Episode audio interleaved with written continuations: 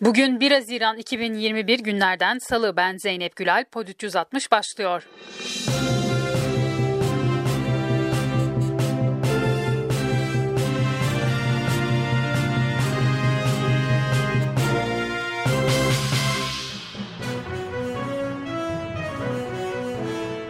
Habertürk yayınında Sedat Peker'in iddiaları üzerinden yargıyı eleştiren İçişleri Bakanı Süleyman Soylu'ya Adalet Bakanı Abdülhamit Gül'den üstü kapalı yanıt geldi. Kanunu uyguladığı için savcının, hakimin itham edilmesi, hedef haline getirilmesi hiçbir şekilde mazur görülemez. Uygulaması gereken mevzuatı uyguladığı için yargıya ithamda bulunulması hukuk devletinde alışık olunan bir durum değildir.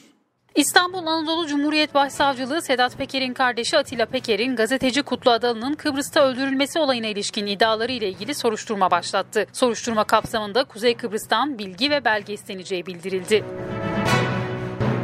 MHP Genel Başkanı Devlet Bahçeli MHP grup toplantısında Ayasofya'yı müze yapanlara lanet okuyan imam hakkında konuştu. Ayasofya'yı Kebir Camii Şerif açılmışken nükseden Atatürk alerjisinin esas gerekçesini nasıl okumalı, nasıl anlamalıyız?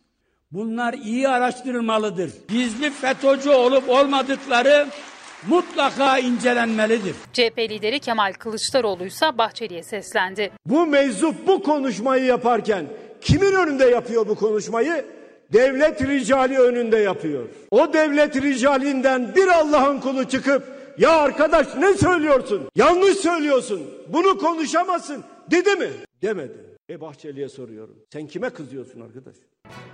HDP eş genel başkanı Mithat Sancar'ın hedefinde ise hükümet vardı. Kaçakçılık mı arıyorsunuz? Uyuşturucu ticareti mi arıyorsunuz? Silah ticareti, petrol ticareti mi arıyorsunuz? O zaman sınır boylarına Kürt halkının ekmek kavgası için, geçim derdi için getirdiği basit eşyalara bakmayın. Nereye bakın? Venezuela'ya bakın. Kolombiya'ya bakın.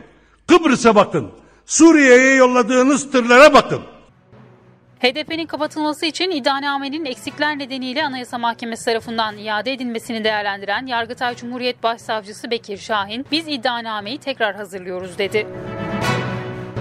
Cumhurbaşkanı Erdoğan bugün başlayan yeni normalleşme sürecinde atılacak adımları dünkü Bakanlar Kurulu toplantısının ardından açıkladı. Buna göre Haziran boyunca sokağa çıkma kısıtlaması hafta içi ve cumartesi günü için akşam 22 ile sabah 5 arasında devam edecek. Cumartesi akşam 22'den pazar günü de dahil olarak pazartesi sabah 5'e kadar sokağa çıkma yasağı uygulanacak. Restoranlar sabah 7 ile akşam 21 arasında masa servisi vermeye başladı. Erdoğan'ın açıklamasında kültür sanat faaliyetlerine yer verilmemesi ve sokak yasağının 22'de başlamasına sanatçılardan tepki geldi.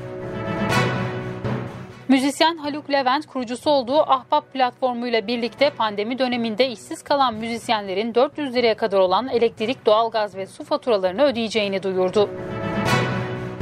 Milli Eğitim Bakanlığı Cumhurbaşkanı'nın açıklamasının ardından bir metin yayınlayarak yüz yüze eğitime hafta içi iki gün olmak kaydıyla bu haftadan itibaren geçileceğini duyurdu. Ancak okula gönderme şartı koşulmadı. Sağlık Bakanı Fahrettin Koca toplumsal bağışıklığın bu yaz yakalanabileceğini açıkladı. Koca bağışıklığın yakalanmasından sonra sonbaharda aşı olanların maske takma zorunluluğu kalkabilir dedi. Dünya Sağlık Örgütü Türkiye'de de kullanılan Çin'in ürettiği Coronavac aşısına acil kullanım onayı verdiğini açıkladı. Türk Hava Yolları 8 ülkeden PCR test raporu isteneceğini duyurdu. Afganistan, Bangladeş, Brezilya, Güney Afrika, Hindistan, Nepal, Pakistan ve Sri Lanka'dan gelen kişilerle son 14 günde bu ülkelerde bulunduğu anlaşılan kişilerden Türkiye'ye varış saatinden en fazla 72 saat önce yapılmış negatif sonuçlu PCR test raporu istenecek. Ayrıca bu kişiler valiliklerce belirlenecek yerlerde 14 gün süreyle karantinaya alınacak. Siirt'te 18 yaşındaki İpek Er'e nitelikli cinsel saldırı suçundan hakkında dava açılan eski uzman çavuş Musa Orhan bugün üçüncü kez hakim karşısına çıktı. Duruşmada Orhan'ın avukatı İpek Er'in babasını kızını korumamakla suçladı. Müdafi avukat suçlamasında bir babanın görevi kızını korumaktır, okutmaktır, intihara sürüklemek değildir ifadelerini kullandı. Mahkeme heyeti duruşmanın 16 Eylül 2021 tarihine ertelenmesine karar verdi. Ankara'da 2006'da trans kadınlara saldıran çeteden 4 kişinin yargılandığı ve kamuoyunda Eryaman Esat davası olarak bilinen yargılamada Yargıtay'ın bozma kararından sonra bugün ikinci duruşma yapıldı. Duruşma dava dosyasındaki eksik belgelerin giderilebilmesi için 24 Eylül'e ertelendi. Dava sonrası LGBT aktivistlerinin adli önünde yapmak istediği basın açıklamasına polis izin vermedi. Boğaziçi Üniversitesi'nde görev yapan öğretim üyesi Feyzi Erçin'in görevine son verilmesini protesto eden öğrenciler kapılar kilitlenerek kampüse alınmadı. Polis kampüse girmek isteyen öğrencilere müdahale etti. 25 Mayıs'ta gözaltına alınan Sağlık ve Sosyal Hizmet Emekçileri Sendikası Eş Genel Başkanı Selma Atabey'in de aralarında olduğu çok sayıda ses üyesi bugün serbest bırakıldı. İstanbul Ticaret Odası'nın verilerine göre İstanbul'da Mayıs'ta bir önceki aya kıyasla perakende fiyatlar %1,67, toptan fiyatlar ise %2,27 arttı. Yıllık bazdaki artış ise %15,78 oldu. Deva Partisi Genel Başkanı Ali Babacan, Marmara Denizi'nde görülen deniz salyasına dikkat çekti. Cumhurbaşkanı Erdoğan'a çağrıda bulundu.